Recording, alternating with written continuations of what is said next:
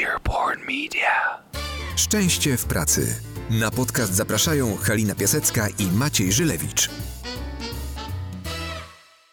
Cześć Patrycja. Cześć Helinko. Jejku, jak ja się cieszę, że widzę tutaj Ciebie na żywo. Siedzimy sobie przy jednym stoliku, dwie realne kawy, kawy zawsze realne, ale obok siebie stojące. E, pierwsze moje, pierwsza moja rozmowa, pierwsze nagranie e, po ponad trzech miesiącach nagrywania zdalnego, e, co też było dobre, no ale dzisiaj jest po prostu wspaniale. I na dodatek Będziemy rozmawiać o czymś, co mnie niezwykle interesuje, e, o temacie bardzo mi bliskim, ciekawym, mogłabym powiedzieć niezgłębionym, chociaż zaraz przyjrzymy się mu bliżej, czyli o kreatywności. Pierwsze moje pytanie, dziwne pytanie, czemu ja z Tobą w ogóle o kreatywności, a na dodatek będę chciała z Tobą porozmawiać o zarządzaniu zespołami kreatywnymi. Słuchaj, Halinko, ja się również bardzo cieszę z tego spotkania. Moja tęsknota za ludźmi jest już, jest już naprawdę spora, więc cieszę się, że możemy się zobaczyć y, osobiście, twarzą w ja twarz. Też. Y, I mieć tą rozmowę właśnie niezdalnie, nie przez y, różne ekrany komputerów, ale, ale osobiście. No cóż, ja mam nadzieję, że, że ta nasza rozmowa będzie, będzie ciekawa.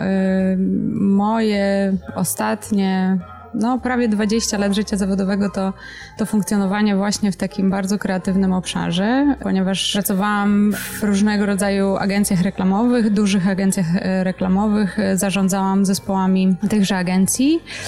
No i cóż, mam nadzieję, że będę mogła odpowiedzieć na różne Twoje pytania i, e, i będziemy mieć radość z tej rozmowy. Mm, na pewno. Jak mówisz o tym, że zarządzałaś zespołami, jakie to były y, rzędy wielkości, czyli, czyli co było na Twojej głowie w skrócie w kontekście tych zespołów kreatywnych? To jest tak, że właściwie y, mój taki rozwój zawodowy zaczął się od, od dużej y, agencji reklamowej. Pracowałam wówczas w agencji NOS BBDO, które potem nazywało się już BBDO Warszawa mm, i szłam przez te wszystkie szczeble jakby rozwoju w zespole Client Service.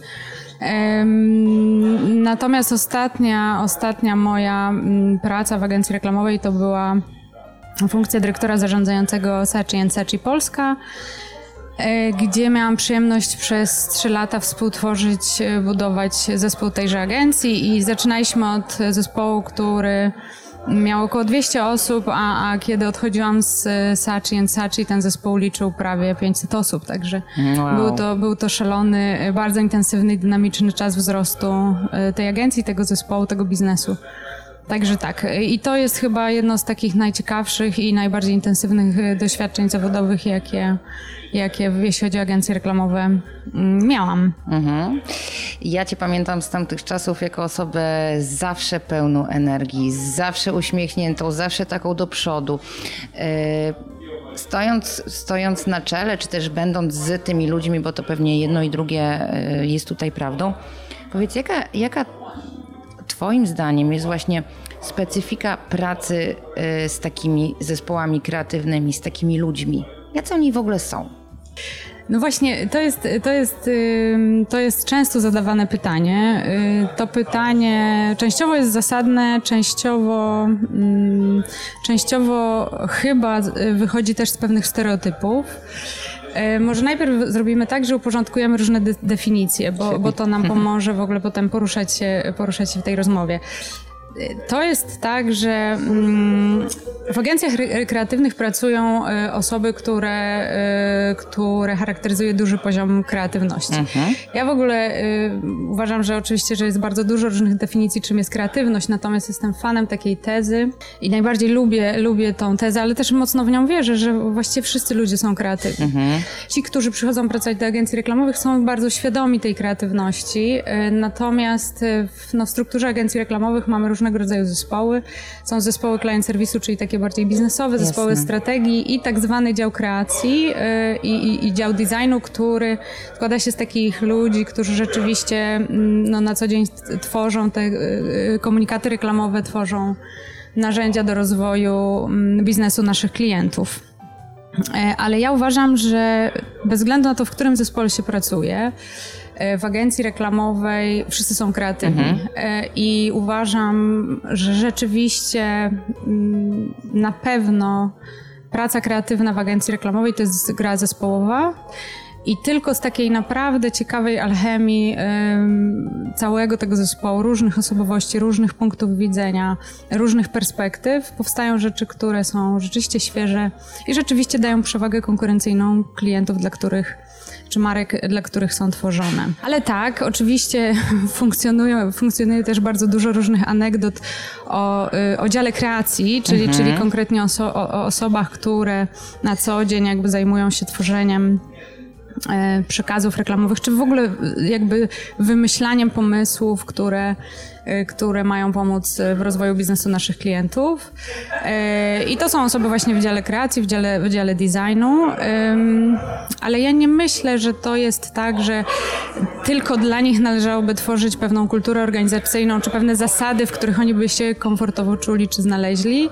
Myślę, że, że taka kultura i takie zasady powinny obowiązywać dla wszystkich twórców, czy wszystkich w ogóle pracowników agencji, bo bardzo często jest tak, że trudno powiedzieć, kto był autorem danego pomysłu, od kogo, czy z jakiej inspiracji wyniknęły pewne rozwiązania kreatywne, które koniec końców potem sprzedaliśmy klientowi i, i które temu klientowi pomogły w budowaniu jego biznesu. Bardzo często jest tak, że to osoby w client serwisie mm, jakby przynoszą e, ciekawe myśli, ciekawe inspiracje, które potem oczywiście cały zespół opracowuje, które, które wszyscy, nad którymi wszyscy dalej myślimy, ale ale to jest bardzo trudne powiedzieć o tym, że to właśnie mm, tylko dział kreacji wymyśla, wymyśla te rzeczy.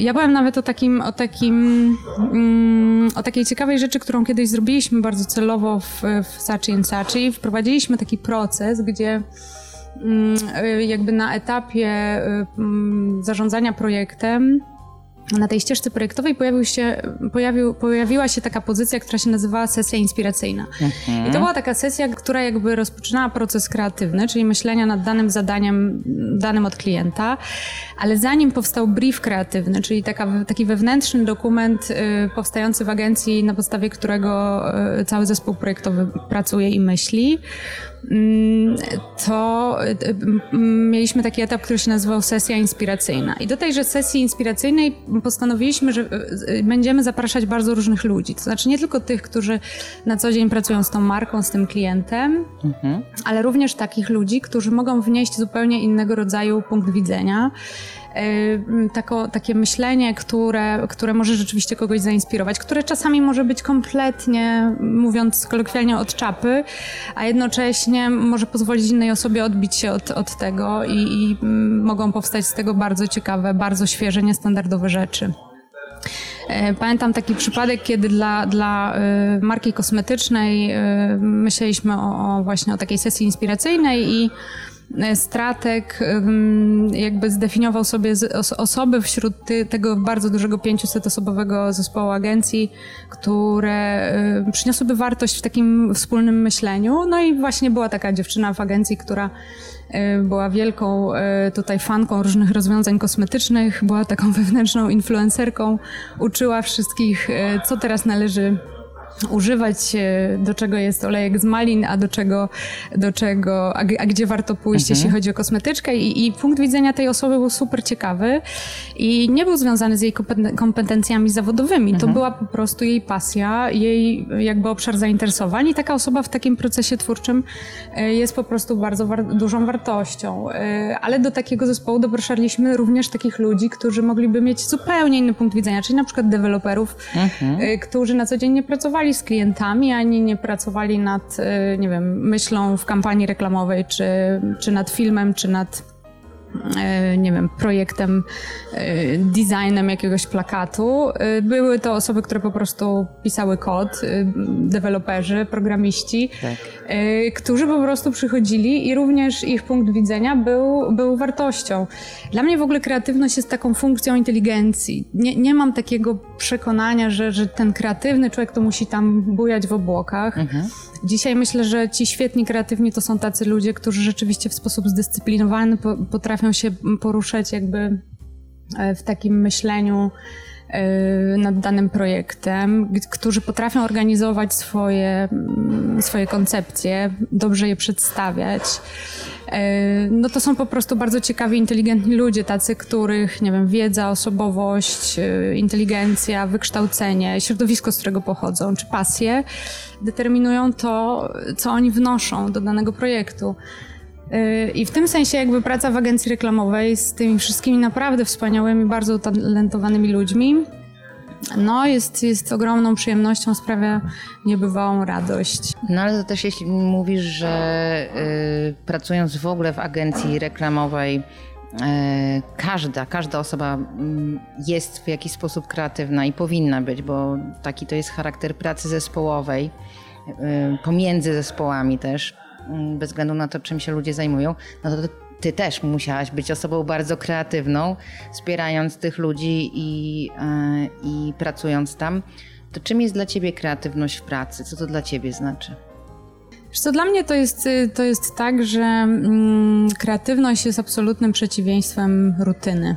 Mhm. Mm, bo oczywiście można robić rzeczy zawsze tak samo, można, można po prostu e, funkcjonować w taki niskoenergetyczny sposób, czyli jakby nie, nie za bardzo angażować się w rzeczy. A można, a można robić rzeczy zawsze inaczej, można na nie próbować patrzeć w jakiś świeży sposób, takiej perspektywy, która da jakieś unikalne rozwiązanie. Ja e, myślę, że to jest tak, że. Mm, Akurat w reklamie każde zadanie i każdy brief jest trochę inny. To znaczy, reklama jest jakby takim, ma takie zadanie, że rzeczywiście rozwija biznesy E, stymuluje rynek, e, pobudza konsumentów e, i żebyśmy, żebyśmy robili dobrze tą pracę, to my naprawdę zawsze musimy być dwa, dwa kroki przed klientem, co oznacza, że sami wobec siebie musimy mieć pewne takie wymagania, no jakby takiej, takiego inspirowania się wszystkim, co jest dookoła, ludźmi, z którymi pracujemy, po to, żeby rzeczywiście móc przynosić świeże świeże pomysły, rzeczy, które nie są standardowe i rzeczy, które obudzą tą drugą stronę, a nie, a nie że ktoś pomyśli, ach, to już było. Więc tak, myśmy się starali w Sachi akurat robić takie różne rzeczy, które budowałyby taką kulturę tego, tego samorozwoju czy rozwoju zespołów. E, nie zawsze oczywiście był na to budżet i, i, i, zawsze to jest taka dyskusja, e, na ile jakby, jak bardzo e, należy zwiększać tą pozycję budżetową, która, która odpowiada za rozwój zespołu.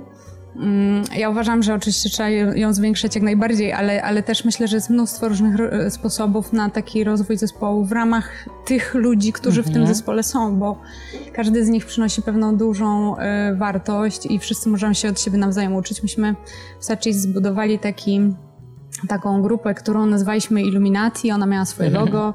Mieliśmy tam raz w tygodniu y, sesję, która była zwykle prowadzona przez kogoś ze strategii, gdzie no, w takim bardzo szybko rozwijającym się środowisku, bardzo zmieniającym się, e, gdzie pojawia się mnóstwo narzędzi, mnóstwo nowych tematów e, związanych choćby z technologią, gdzie mogliśmy po prostu uspójniać e, wiedzę całego zespołu po to, żeby no, ci ludzie mieli po prostu tak zwany food for thought, czyli nowe tak. rzeczy, nowe, nowe bodźce, które pozwalały im potem implementować to w pracy dla klientów, zaskakiwać tych klientów, przynosić przynosić nowe, unikalne rozwiązania, więc y, staraliśmy się budować taką kulturę samorozwoju. Ja w ogóle uważam, że najciekawsze są takie, przynajmniej z mojego życia zawodowego, najciekawsze są takie szkolenia, które nie są takimi szkoleniami, gdzie po prostu zarząd dał pieniądze na to, żeby Jasne. zespół poszedł i, i, się czegoś nauczył, ale w których y, jakby osoba, która, y, która, która no jakby korzysta z tego, z tego szkolenia, czy z, tego, z tej metodologii,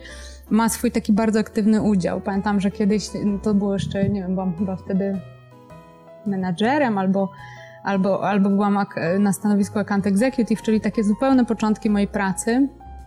Pamiętam, że ówczesny nasz szef wymyślił taki pomysł na, na szkolenie zespołu, który polegał na tym, że on zdefiniował 50 pozycji, e, jeśli chodzi o książki, które należy przeczytać mhm. pracując w reklamie. E, no i jakby zespół nawzajem się uczył, to, to by to wyglądało tak, że każdy musiał e, przeczytać jakąś jedną książkę, którą miał zadaną a potem, tak, a potem zrobić prezentację mhm. z tejże książki i przedstawić główne wnioski czy wartości, które z tej książki wyciągnął w ramach prezentacji dla całego zespołu client serwisu. Pamiętam, że to w ogóle mnie bardzo dużo kosztowało emocji ponieważ y, no, prezentowałam nie tylko y, przed tym szefem, ale również przed wszystkimi. Przed ludźmi. Tak, przed wszystkimi ludźmi w całym zespole client serwisu, z którymi y, no, nie pracowałam również, no bo jakby mój mały zespół, w którym funkcjonowałam, to owszem, jakby tutaj, tutaj byłam bardziej spokojna, ci ludzie mnie znali, natomiast musiałam zaprezentować to na forum no, prawie że całej agencji. E, no i często, znaczy no bardzo dużo z tych osób to były osoby znacznie bardziej seniorskie niż ja, w związku z czym no pamiętam te, pamiętam te emocje, do dzisiaj pamiętam tą, tą książkę, e, pamiętam jak pisałam tą prezentację, no e, i rzeczywiście to była jedna z takich ciekawszych metod na rozwój, na rozwój też zespołu. Pamiętam, że miałam bardzo duży szacunek do tego pomysłu na, na szkolenie, bo de facto kosztowało to po prostu czas, i zaangażowanie zespołu, no ale nie wiązało się z żadną wielką pozycją budżetową w, w budżecie agencji, tak? No właśnie, czyli mogliście inspirować się nawzajem e, i, i, dzielić się nie tylko wiedzą, ale też swoimi jakimiś przemyśleniami na temat tego, co odkrywacie w książkach. Nie wiem, pewnie inne inspiracje też tutaj by świetnie zadziałały. Czyli e, kreatywne inspirowanie się i, i, wspieranie się nawzajem. No a e, to jest, to jest jakby jedna strona medalu, czyli to, że często są, są to niezwykle ciekawi ludzie, tak naprawdę włącznie oczywiście z Tobą, bo stanowiłaś y, ważną część tego zespołu i innych zespołów, w których działałaś.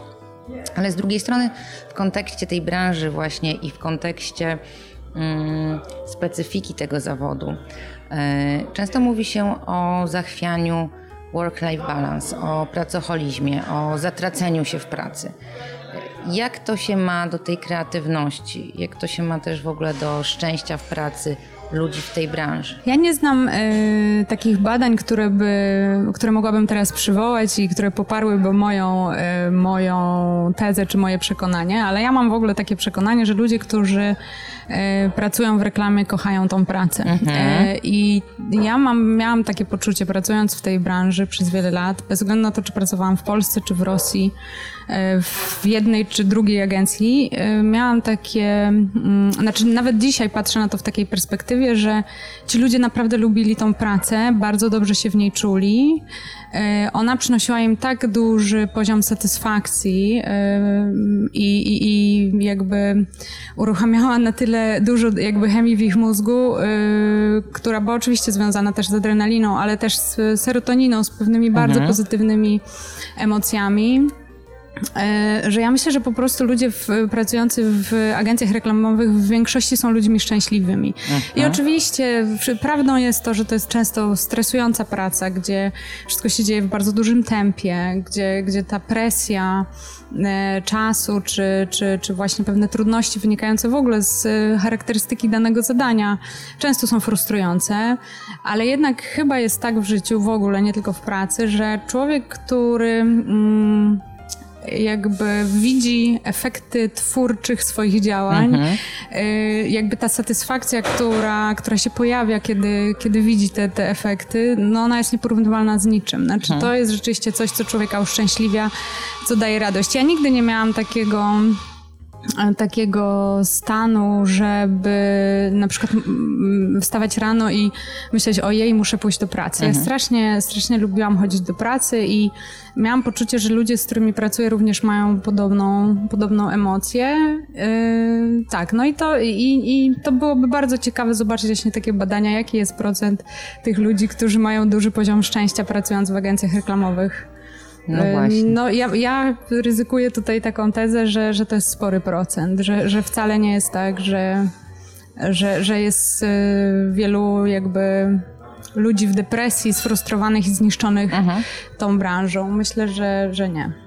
No ale też y, mówiąc o sobie, mówisz o tym, jak przechodziłaś z jednego etapu na drugi, z, y, się jakby mm, obejmując coraz wyższe stanowiska, za czym oczywiście szło doświadczenie i, i twoje osiągnięcia. Tak też jest z innymi ludźmi, z y, tymi zespołami kreatywnymi, że często jest tak, że gdzieś tam przy pomocy innych Ci ludzie są w stanie pójść do przodu, są w pewien sposób wykreowani w agencji. Czasem zostają, często odchodzą. Jak dbać o takie zespoły kreatywne, żeby te talenty ci ludzie zostawali? Znaczy ja w ogóle uważam, że w ca- jakby mm, środowisko agencji reklamowej to jest takie środowisko, w które, czy, czy to powinno być takie środowisko, które sprzyja pracy twórczej. Mhm. I bez względu na to, czy jesteś właśnie w tym zespole strategii, kreacji, czy klient serwisu, czy produkcji, ty musisz mieć jakby mądre zasady funkcjonowania tego miejsca, e, tej grupy osób. E, musisz mieć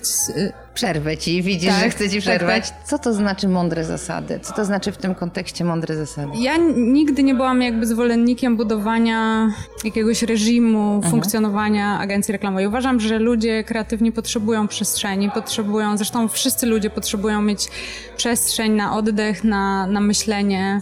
Powinni mieć zasady, tak jak, nie wiem, małe dziecko powinno rozumieć, mhm. gdzie są granice. Tak samo jakby no oczywiście w, w każdej strukturze, w każdej organizacji te granice powinny funkcjonować funkcjonować. One powinny być jasne, powinny być absolutnie transparentnie zakomunikowane, mhm. po to, żeby wszyscy rozumieli, jak, jak, jak, jak funkcjonujemy, ale jednocześnie bardzo mocno szanujące jakby osobowości, e, indywidualizm tych ludzi. E, doceniające w ogóle e, e, wszystkie te rzeczy, które czasami są postrzegane jako negatywne. Jeżeli, jeżeli nie wiem, ktoś ma odwagę, żeby przyjść i skrytykować pracę zarządu, to, to należy po prostu z tą osobą usiąść i ucieszyć się, że w ogóle ktoś przychodzi z taką informacją zwrotną, to znaczy, że to coś nie działa, trzeba, trzeba pewne rzeczy zmienić. My w Sachi zrobiliśmy taką rzecz, która bardzo nam pomogła w a, budowaniu zasad, ale też w takiej bardzo jasnej, transparentnej komunikacji, mianowicie zainwestowaliśmy zainwestowaliśmy w duży zespół e, HR-u. Mm, I to jest takie ciekawe, że w, w, tej branży mówi się o agencjach reklamowych, że to jest tak zwany people's business, czyli taki biznes, o którym stanowią ludzie, czy, czy w którym ludzie są podmiotem. A właściwie nie znam drugiej agencji reklamowej w Polsce, która miałaby rzeczywiście rozbudowany no, zespół HR-u. Nasz zespół HR-u liczył tam prawie 10 osób w, mhm. takim momencie, kiedy już byliśmy spo, sporą, sporą grupą, sporym zespołem. I ten zespół nie tylko odpowiadał za tak zwany twardy HR, czyli jakby zagadnienie rekrutacji, czy tak zwane kadrowe, personalne y, y, zagadnienia, ale przede wszystkim jakby był takim zespołem wspierających menadżerów, ale też ich zespoły. Mieliśmy taki, mm, mieliśmy taki dzień w tygodniu, który się nazywał HR Open Doors, czyli jakby mm, wszystkie dziewczyny, bo to były głównie dziewczyny w zespole HR czekały na, na osoby, które miały jakiś kłopot, które, które nie wiedziały jak wybrnąć, które były w jakimś, nie wiem, konflikcie z kimś, które czuły, że wobec nich y, ktoś na przykład zachowuje się nie, nie, niestosownie. I to było takie miejsce, gdzie rzeczywiście ten wentyl y, dobrze działał, bo te osoby wiedziały, że w zaufaniu mogą przyjść, porozmawiać o tych swoich problemach, że to nie dotrze do ich przełożonego, nie dotrze to do tych osób, do których nie powinno, a jednocześnie ktoś pomoże im ten problem rozwiązać. I tenże zespół starał się y, bardzo szybko wykrywać potencjalne konflikty. Dzięki temu właściwie przez te trzy lata przy tak dużym zespole i tej dynamice, którą mieliśmy, Właściwie to na, na, na nie wiem, no, na palcach dwóch rąk jestem w stanie policzyć trudne sytuacje, gdzie rzeczywiście no, trzeba było jakoś tam interweniować, czy, czy nie było proste rozwiązywanie jakiejś, jakiejś sytuacji.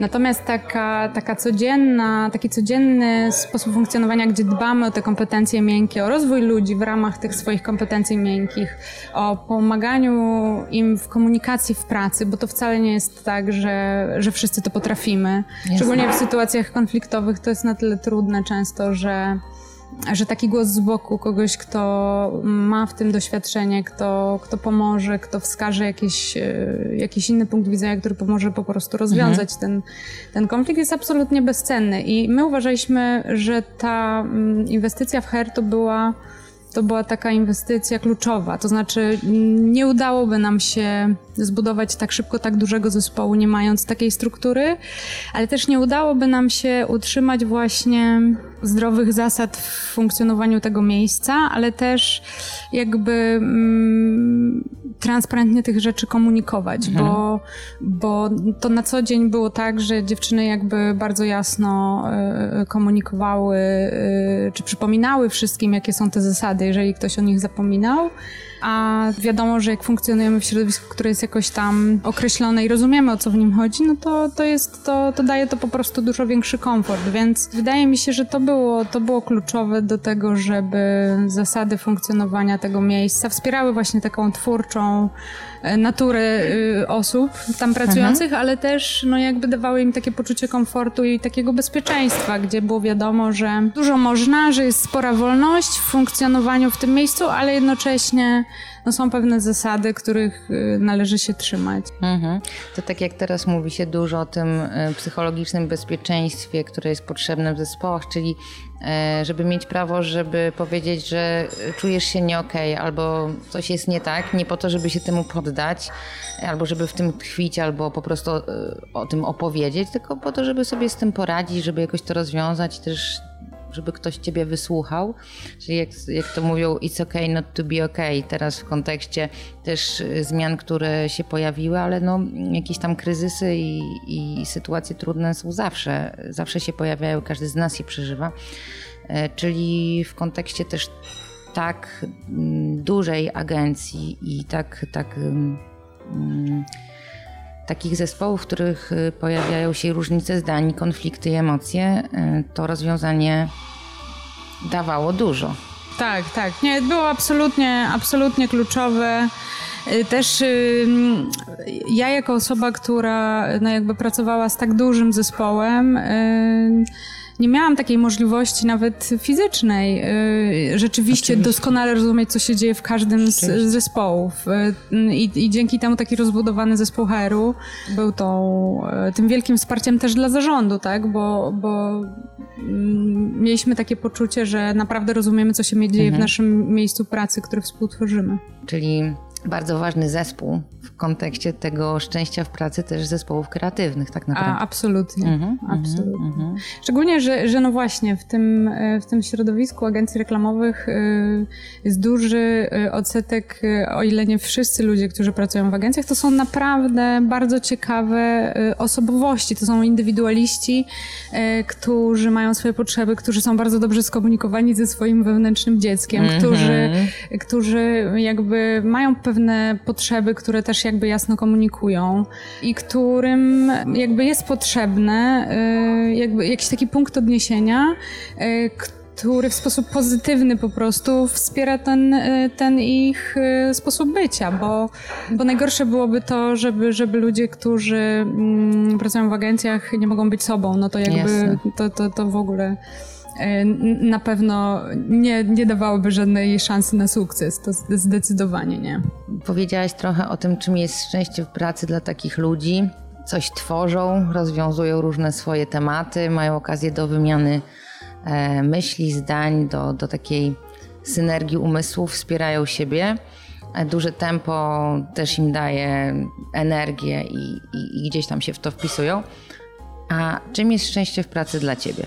Dla mnie szczęście w pracy to jest taki, y, to jest taki stan, gdzie ja czuję się trochę jak w domu. Mhm. Czyli po prostu mam absolutny komfort bycia w tym miejscu. Mhm. Nie mam ani przez moment, ani przez moment takiego zawahania, jak rano jadę do biura, że, że muszę do tego biura pojechać gdzie y, i trudności, i sukcesy to są rzeczy, które mnie napędzają, mhm. gdzie y, i to jest kluczowe, gdzie ludzie, których spotykam, z którymi robię te rzeczy, no, inspirują mnie. Ja w ogóle jestem, myślę, y, jestem dużo lepszym menadżerem innych osób niż siebie samej i uwielbiam pracować z ludźmi, którzy, w których widzę ewidentnie talent, którzy są bardzo wartościowi. Uwielbiam po prostu taki moment, kiedy ci ludzie nabierają po prostu, rosną im skrzydła i nabierają takiego rozmachu, gdzie wierzą w siebie, gdzie rzeczywiście robią rzeczy du dużo lepiej i, i, dużo więcej, dużo ciekawiej niż, niż gdy siedzą sami w domu. W ogóle napędza mnie taka praca z ludźmi, którzy są e, twórczy. Mm, uwielbiam ich ob obserwować z boku i, i, i lubię lubię mieć z nimi po prostu do czynienia na co dzień. Ja odeszłam ze swojej ostatniej pracy, dlatego że właśnie gdzieś tam straciłam taką świeżość, y, taką świeżość bycia w tym, w tym kontekście i potrzebowałam takiego momentu na, na, na zrobienie trzech y, kroków wstecz, żeby nie Mhm. tylko przyjrzeć się temu, co zrobiłam przez ostatnie y, 18 lat y, życia zawodowego, ale też mocno zastanowić się nad tym, co jest przede mną przez kolejnych 20 lat pracy, bo ja lubię pracować, zawsze lubiłam pracować. y, Nigdy nie byłam w miejscu zawodowo, w którym czułabym się źle albo czułabym się nieszczęśliwa właśnie. Mm, Ja wybieram sobie te miejsca, to znaczy wybieram je w tym sensie, że jeżeli coś mi nie odpowiada, to po prostu idę dalej. I, i praca jest w ogóle takim ważnym dla mnie obszarem w życiu. Nie mam takiego poglądu czy takiego rozróżnienia, że ileś tam czasu powinnam spędzać w pracy, ileś powinnam spędzać w życiu. Może też dlatego, że ludzie, którzy w moim życiu są ważni, oni bardzo często są ludźmi y, y, y, funkcjonującymi w tym samym środowisku Mhm. zawodowym co ja. E, Więc u mnie się to gdzieś tam przenika, nie ma takich, takich fizycznych podziałów. Ja naprawdę muszę się czuć bardzo komfortowo w miejscu, w którym jestem i muszę czuć, że, że jest e, jakiś taki powiew świeżości zawsze, bo w momencie, kiedy jego nie ma, to to znaczy, że coś, coś jest nie tak. Mhm. Coś, że, że to jest taki moment, kiedy muszę się zastanowić, kiedy muszę przemyśleć, e, gdzie jestem, gdzie powinnam być, gdzie chcę być, jakie mam marzenia zawodowe i co zrobić, żeby je spełnić. Mhm. Mówisz o tym e, powiewie świeżości. Czy coś jeszcze jest, czego potrzebujesz, żeby być w pracy szczęśliwa, oprócz tego, co powiedziałaś? E, To znaczy, moje pytanie dotyczy, czego się dowiedziałaś o sobie, czyli, czyli e, w kontekście tego, że tak jak mówisz, pracę zmieniłaś, myślisz na, nadal na tym, co chcesz robić przez kolejne 20 lat, bo jest to dla ciebie ważne, bo tego chcesz. Czy masz jakieś takie wnioski, przemyślenia, powiew świeżości, czy coś jeszcze jest Ci potrzebne do tego szczęścia w pracy w tej chwili? Też te etapy są różne dla każdego z nas. Ja mam za sobą taki, taki rok przerwy, który zrobiłam. To nie jest jakaś spe- specjalnie popularna rzecz w Polsce, brać e, tak zwany sabbatical, czyli, czyli zrobić sobie przerwę e, dłuższą w pracy e, po to, żeby właśnie zyskać dystans i perspektywę. Ja to zrobiłam, mogłam to zrobić, więc to zrobiłam, natomiast taka wartość, którą z tego, z tego czasu mam, taka największa wartość, to jest taka, że nabrałam takiej siły i takiej świeżej perspektywy, która powoduje, że mam entuzjazm w, w samym fakcie, że ja wrócę do pracy, tak? I to chyba nawet nie jest jakiś taki intelektualny konstrukt, y, tylko to jest o, o takim samopoczuciu, o tym, czy rzeczywiście mam y, ciarki na plecach, jak myślę o kolejnym projekcie, tak? To jest o takim pewnym stanie emocjonalnym, który po tym resecie mi się znowu włączył. Y, ja, ja, ja lubię wracać do takich momentów w swojej, w, swoim, w swojej drodze zawodowej, gdzie miałam właśnie taką bardzo dużą ekscytację e, przed nowymi rzeczami. Pamiętam, jak, jak wyjechałam do Rosji i tam e, bardzo ciekawy był zespół agencji. Było tam bardzo dużo różnych ludzi z różnych stron świata, nie tylko Rosjanie, ale też ludzie z Kanady, z Rumunii, z Gruzji. No, no bardzo, bardzo ciekawy mm, zespół, super osobowości. I pamiętam ten, pa- pamiętam ten moment takiej ekscytacji. Yy, to jest zawsze taki moment, jak się stoi i ma się do wyboru, nie wiem, trzy, yy, trzy zestawy drzwi, do których, do których się wchodzi i wie się, że tam za, za tymi drzwiami jest coś ciekawego. No to właśnie tam w, w Rosji miałam taki moment, że jeszcze nie wiedziałam, jak to będzie. To był bardzo nowy dla mnie kontekst, bardzo nowe środowisko, super ekscytujące i takie no, no, związane z taką, z taką niespodzianką, ale też z takim mm, poczuciem, że, że mogę się sprawdzić w nowym kontekście, że mogę siebie zobaczyć w jakimś takim trybie, którego wcześniej w ogóle nie doświadczyłam. Także to mnie, to mnie jakoś ekscytuje. Myślę, że to jest taki główny zysk, który mam po zrobieniu przerwy na oddech. A to mi się przypomina teraz właśnie, kiedy z Tobą rozmawiam, yy, wypowiedź na TEDzie jednego z właścicieli z takich, takich e, mniejszych, kreatywnych agencji reklamowych z Nowego Jorku. Opowiadał o czymś, co, się nazy- co nazwał, zresztą tak się ta, ta wypowiedź nazywa, The Power of Time Off, że raz na jakiś czas, na kilka lat zostawiał symboliczną kartkę, czy też wiadomość dla klientów, przez rok nas nie ma. Tak, znam ten TED. No właśnie, to o tym od razu pomyślałam, kiedy ciebie słuchałam, że to, to być może właśnie w tej branży, w tej, tej specyficznej pracy jest potrzebne, jeśli oczywiście mamy możliwość yy, i możemy sobie na to pozwolić. To ma to sens. Tak, jest, jest na TEDzie jest inny bardzo ciekawy wykład o osobie, która opowiada o nudzie i o, o, o zjawisku nudy, którego my właściwie we współczesnym świecie prawie nie doświadczamy, tak? Bo albo jesteśmy w zalewie informacyjnym związanym z nowymi technologiami, social mediami, albo w pracy, albo w mhm. rodzinie, albo w, rozmawiamy przez telefon, albo gapimy się w telewizor, albo czytamy książkę. Jesteśmy cały czas w trybie takiego zajętego mózgu i nasz mózg w ogóle nie zna, nie zna stanu nudy, tak samo jak, nie wiem, myślę, że w większości jest tak, że nasze organizmy nie znają stanu głodu, który kiedyś mm -hmm, był mm -hmm. jakby naturalną rzeczą i który jest też potrzebny, tak? Mm -hmm. I jest chyba nawet taka inicjatywa, e, gdzie ludzie opowiadają o tym, jak sobie stworzyli kontekst nudy i co im to dało, bo to rzeczywiście pobudza mózg, sprawia, że y, ludzie są bardziej kreatywni, bardziej produktywni i, y, i, i że, że, to ma wielką w ogóle wartość. Jest taka książka Brilliant and Bored albo coś takiego, nie, nie pamiętam dokładnie tego tytułu, E, ale to jest taki, taki, taki szerszy eksperyment społeczny. E, ona jest wynikiem tego eksperymentu, gdzie ludzie właśnie e, mm, doprowadzali się do stanu nudy i patrzyli, co się, co się wydarzy. No ja jestem w ogóle fanem planowania różnych rzeczy, więc ten mój rok był taki dosyć intensywny. Nie jest tak, że są jakoś specjalnie często Nie planowałaś pozwa- nudy. pozwalałam na nudę, mimo że mój mąż y, przypominał mi, słuchaj, to nie jest praca, nie planujemy, to nie jest kolejny projekt, mimo że nazwaliśmy go projekt życie, to to mój mąż mi przypominał, że nie, nie, nie, że jeżeli jedziemy na południe Europy, to my jedziemy na południe Europy i tam zobaczymy, gdzie pojedziemy dalej, nie będziemy tego planować. No ale jednak trochę poplanowaliśmy, no i życie to zweryfikowało i to nie tylko chodzi o o koronawirusa. Dużo rzeczy poszło inaczej niż miało, ale to był wspaniały czas spotykania naprawdę fantastycznych ludzi, bycia w różnych bardzo miejscach na świecie. E, przeczytałam wszystkie zaległe książki, no w ogóle y, super, super, y, super fajna przestrzeń, którą sobie dałam w prezencie. Tak, będę myśle, myśleć zawsze o tym roku jako o czymś takim super wyjątkowym i, i też nie jest tak, że po tej decyzji od razu było tak, że po prostu wstałam rano i pomyślałam, no wspaniale, ale to teraz mam roczne wakacje. Nie, w ogóle pierwsze, pierwsze emocje związane z tą decyzją były takie mm, trudne, takie trudne, bo jednak jest tak, że człowiek mówi ojej i co ja zrobiłem? I teraz co dalej, yy, w ogóle co dalej? I co to będzie? I, i taki niepokój i różne takie emocje, które mm, uruchamiają różne, różne lęki związane, nie wiem, z tym, że się wypadnie z rynku pracy, że się nie będzie miało do czego wrócić to się wszystko pojawia i myślę, że mija takich e, kilka tygodni, kiedy człowiek w ogóle osiada w takiej decyzji i zaczyna się tym cieszyć, znaczy, że zaczyna z tego korzystać, e, jakby staje w takiej odwadze do takiego do takiego trybu. Potem to już się zdarzają te wszystkie przygody, ci wszyscy ludzie i już się w ogóle nie pamięta o tych pierwszych, e, o tych pierwszych emocjach.